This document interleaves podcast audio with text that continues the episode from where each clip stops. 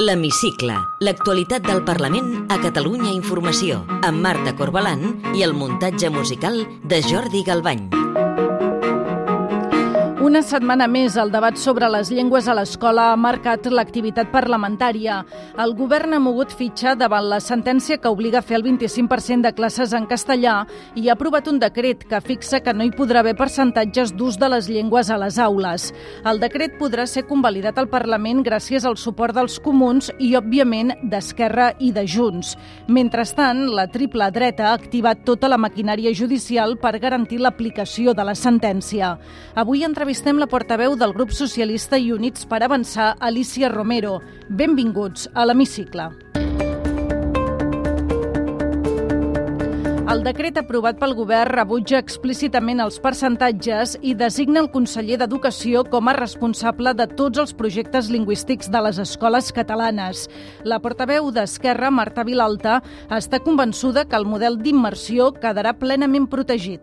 Tindrem totes les eines per protegir el català, malgrat que alguns només sàpiguin doncs, d'amenaçar-nos, només sàpiguin de posar-nos denúncies, d'amenaçar-nos amb querelles i de perseguir per la via dels tribunals un model d'escola catalana que nosaltres nosaltres el defensem i el defensarem sempre perquè és cohesió social, perquè és equitat i perquè és igualtat d'oportunitats. El portaveu de Junts per Catalunya, Josep Rius, defensa el decret però té dubtes que serveixi per frenar la justícia. Evidentment, aquest decret no aturarà la justícia espanyola, una justícia decidida a acabar amb el model d'immersió lingüística, perquè estem davant d'una operació d'estat per acabar amb el model d'escola catalana. Els comuns faran costat al govern i avalaran el decret quan es convalidi al Parlament. La seva cap de files, Jessica Albiach, ha justificat el seu suport per no deixar desprotegides les direccions dels centres. I per què ho farem? Doncs molt senzill. Primer, perquè no deixarem a la intempèrie jurídica les direccions dels centres educatius i perquè pensem que en última instància qui ha de donar la cara ha de ser el Departament d'Educació i no les direccions dels centres educatius. El decret, però, no comptarà amb el suport del PSC, que en canvi, sí que avala la proposició de llei de defensa del català que el Parlament té previst aprovar la setmana que ve. La portaveu socialista Alicia Romero ha explicat que no estan d'acord amb el decret perquè pretén esquivar la sentència del 25%. El castellà no apareix com a llengua d'aprenentatge que em sembla que era una necessitat i una obligació que calia incorporar i després d'aquest incompliment de paràmetres o inaplicació de paràmetres i percentatges que nosaltres, doncs, eh, com és lògic, no, no, podem, no podem compartir i, per tant, el nostre, el nostre vot serà contrari a aquest decret llei. La CUP tampoc no donarà suport al decret, però per motius diferents als del PSC. El diputat Xavier Pellicer creu que el decret no frenarà la sentència. Bàsicament constatem que el que s'ha fet no és res més que executar una sentència. I de pas, executar també el model d'immersió lingüística. Mentrestant, Vox, Ciutadans i el Partit Popular han activat tots els instruments al seu abast perquè s'apliqui el 25% de castellà a les escoles. Recorreran totes les iniciatives legislatives al Tribunal Constitucional i al Consell de Garanties Estatutàries i denunciaran els màxims responsables de la Conselleria d'Educació davant la Fiscalia. Sentim Nacho Martín Blanco de Ciutadans i la portaveu del PP, Lorena Roldán. Nosotros desde Ciudadanos tenemos muy claro que si el separatismo va con todo en las tretas para tratar de derribar nuestro Estado democrático de derecho, nosotros como demócratas vamos a ir con todo, con todos los instrumentos del Estado de Derecho para impedir que el nacionalismo vuelva a pisotear los derechos lingüísticos de todos los ciudadanos de Cataluña. Hemos anunciado también que si esa ley se acaba aprobando, la vamos a llevar ante el Tribunal Constitucional y vamos a hacer exactamente lo mismo con este decreto que, insisto, lo que pretende es incumplir con una resolución eh, judicial y lo que pretende es seguir vulnerando los derechos de los niños. L'extrema dreta de Vox ha fet un pas més i ha demanat la suspensió de l'autonomia de Catalunya. Sentim el seu portaveu, Joan Garriga. Hemos registrado en el Congreso de los Diputados una petición de aplicación del artículo 155 de la Constitución española de nuestra Carta Magna ante los reiterados incumplimientos del Govern de la Generalitat de Catalunya. A la presidenta del Parlament, Laura Borràs, se li ha obert aquesta setmana una nova crisi. La secretària general del Parlament, Esther Andreu, li ha presentat la dimissió després de dies de polèmica per la contractació del seu fill com a uixer de la cambra. La renúncia, però, no és efectiva perquè Borràs encara no ha decidit si li accepta. La màxima responsable de l'administració parlamentària no va informar a la mesa del Parlament que el seu fill optava una plaça d'uixer, tot i que ella sempre ha defensat que no va participar participar en el procés de selecció. L'òrgan rector de la cambra ha demanat un informe a l'Oficina Antifrau de Catalunya perquè avaluï si pot haver un eventual conflicte d'interessos.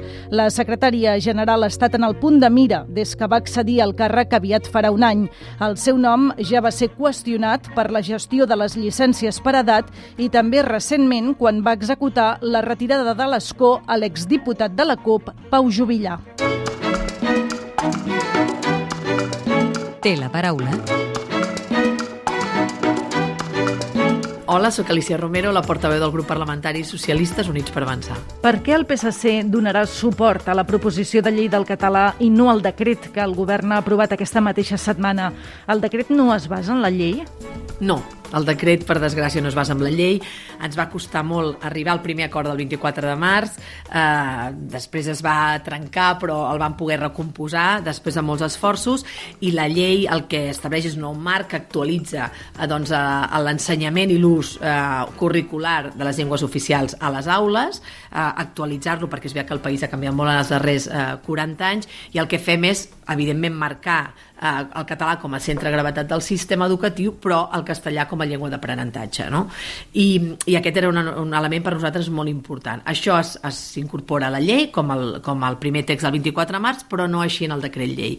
Quan vam parlar ja des del mes de febrer i març amb el govern, vam demanar que el decret llei fos coherent amb la llei, tenia tot el sentit, ens van dir que sí, però finalment el govern doncs, s'ha doncs, despenjat d'aquest compromís i no incorpora el castellà com a llengua d'aprenentatge i a més a més eh, diem, desobeeix eh, d'una manera doncs, eh, rotunda la sentència perquè parla de l'inaplicació de percentatges i paràmetres numèrics que per nosaltres doncs, no és eh, escaient, és a dir, les sentències són opinables, ens poden agradar o no, però s'han de complir.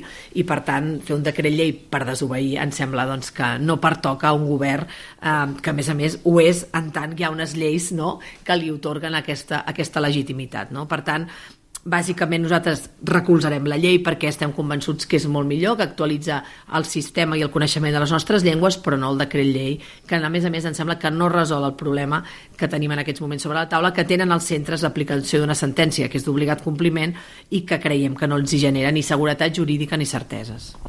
La proposició de llei que vostès donaran suport diu que l'ensenyament de les llengües es farà d'acord amb criteris pedagògics i també tenint en compte la situació sociolingüística de cada centre educatiu. Això no és una manera també de rebutjar els percentatges en l'ensenyament de les llengües? El Tribunal Constitucional, quan ha parlat de les llengües i en diverses sentències, mai ha posat percentatges, sempre es, es manté en aquesta línia dels criteris eh, pedagògics, per què hi ha una sentència en percentatges? Doncs perquè hi ha hagut un fracàs de la política, és a dir, hi ha hagut una no actuació, una inacció del, dels governs de la Generalitat que sabien que havien de posar una resposta sobre la taula, no l'han posat i al final el tribunal, davant dels requeriments no resposos, doncs el que ha fet és acabar posant un percentatge.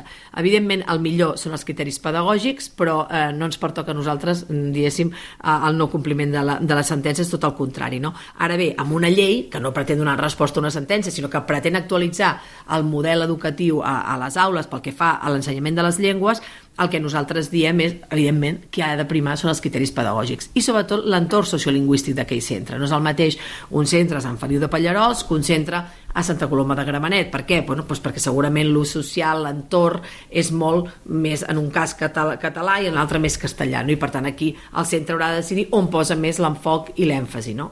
I el que la llei et permet és justament que puguis eh, d'alguna manera vehicular o d'alguna manera equilibrar aquestes, aquestes dues llengües. Creu que les instruccions que ha donat el conseller d'Educació protegeixen jurídicament les direccions dels centres educatius?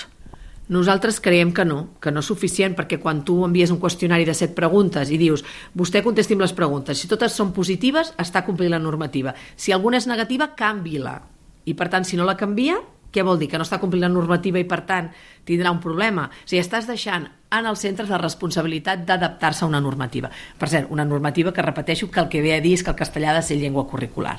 No? Doncs, en fi, em sembla que no, no, no han fet allò que deien, que era tota la responsabilitat en el, en el, en el conseller. Creiem que amb aquestes instruccions clarament carreguen part de la responsabilitat en els centres.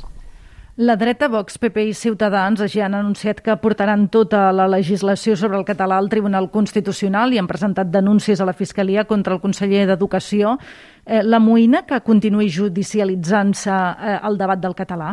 Molt, molt perquè em sembla en fi, que fa molt poc servei al català i al castellà, partits com Vox, Ciutadans i PP, judicialitzant d'aquesta manera l'escola, quan mm, creiem clarament que no és el problema i que en tot cas eh, l'ús social que abarca molts àmbits doncs s'ha de treballar des d'una altra eh, perspectiva, no? molt més global i molt més integral. Crec que no fem cap bé a les llengües polititzant-les com si el castellà fos d'ús i el català des dels altres. No, miri, nosaltres som el PSC, estimem el català i el castellà, volem que siguin dues llengües que evidentment es protegeixin, que es parlin, el català ho ha de ser més clarament perquè és una llengua minoritària, però em sembla que tenim una riquesa que no tenen tots els pobles d'Espanya i que, home, cuidar-ho i mimar-ho hauria de ser una feina de tots, no? I no enfrontar una llengua a l'altra, que crec que és el que fan en el fons aquells que estan en els extrems. Deixem de banda el tema del català i, si li sembla bé, parlem del grau de compliment del govern espanyol amb Catalunya. Aquesta setmana hem sabut que només s'ha complert un 36% de la inversió de l'Estat prevista l'any passat a Catalunya. És el percentatge d'execució pressupostària més baix de tot l'Estat. Creu que el govern de Pedro Sánchez està complint amb Catalunya o es podria millorar? Sempre tot és millorable i, i, i per tant doncs, aquesta sempre és una premissa, les coses sempre es poden fer millor, però nosaltres també ens agrada posar un cert context. No? Eh, Pedro Sánchez va aprovar, el govern d'Espanya ha aprovat un pressupost pel 2022 que té una inversió per Catalunya de 2.430 milions, la més alta de les comunitats eh, autònomes, comparat amb l'últim pressupost del Partit Popular, eh, doble quasi bé la xifra, perquè l'últim del Partit Popular va ser de 1.400, és a dir, hi ha una voluntat clara de complir amb les inversions a Catalunya, de, de, de les infraestructures amb Catalunya, hi ha també pagaments de deutes pendents a la disposició addicional tercera en aquests recursos, per tant, hi ha una voluntat clara, però no només una voluntat, sinó que en els pressupostos això ha quedat aprovat i, per tant, negre sobre blanc. Uh, L'altra cosa és com executem uh, les inversions. No? A vegades són inversions uh, costoses, complexes, que potser s'adjudiquen però no s'acaben i per tant no computen com executades en aquell pressupost i per tant doncs, hem d'analitzar una a una uh, això. No? També ja que s'ha fet molt la comparació amb Madrid i val a dir que a Madrid, per exemple, en aquest còmput doncs, hi ha els 200 milions del rescat de les autopistes o inversions que es fan al CSIC, que és el centre, diguéssim, neuràlgic no? del centre d'investigacions que aquest 2021 ha tingut una inversió molt forta pel Covid, però que també afecta a, a altres centres d'Espanya. Per tant, també hauríem d'entrar de, una mica al detall. No? Ja sé que el, el traç gruixut eh, no, no, no agrada, però crec que quan entrem una mica al detall podem veure doncs, això, com hi ha una, una aposta clara per Catalunya, per les inversions, amb unes xifres molt altes. Aquest primer primer trimestre del 2022 ha superat amb un 60% l'execució a l'any passat. Per tant, el que hem de preveure és que aquest, aquest any la inversió serà l'execució d'infraestructura serà molt més alta creiem que és el camí evidentment que hem de, que hem de recórrer i des del PC doncs, també intentarem ajudar i vetllar perquè, perquè això sigui així. Entrem, si li sembla, en el terreny ara més personal i li demano si pot contestar amb respostes al màxim de breu possibles. Digui'm dos adjectius que millor la defineixin empatia i generositat. Quina injustícia social l'enerva més? La violència masclista, la violència contra els infants, la guerra. Quin diputat o diputada ideologia a banda fitxaria per al PSC? D'un altre partit, entenc, no? El David Cid. Quina llei li agradaria que aprovés al Parlament aquesta legislatura? M'agradaria que la Parlament aprovés una llei de la ciència i la innovació de veritat, una llei que reforcés el nostre sistema de coneixement, que ha de tenir clarament una transferència en el teixit econòmic per ser més competitius i més atractius. Si mai deixés la política, què es dedicaria? És evident que m'agradaria segurament més en l'àmbit del coneixement, que és el que m'he dedicat en els darrers, en els molts darrers anys, però, però vaja, en fi, jo crec que al final eh, la feina també és feina i t'ha d'agradar, però la vida són moltes altres coses i per tant tampoc cal focalitzar-ho tot en, en l'àmbit professional. I ja per acabar, completi la frase següent. El que més m'agradaria del món és que hi hagués pau, que ningú passés gana, que no hi haguessin injustícies socials, eh, això. Alicia Romero, portaveu del grup parlamentari Socialistes i Units per Avançar, gràcies per atendre'ns a l'hemicicle de Catalunya Informació.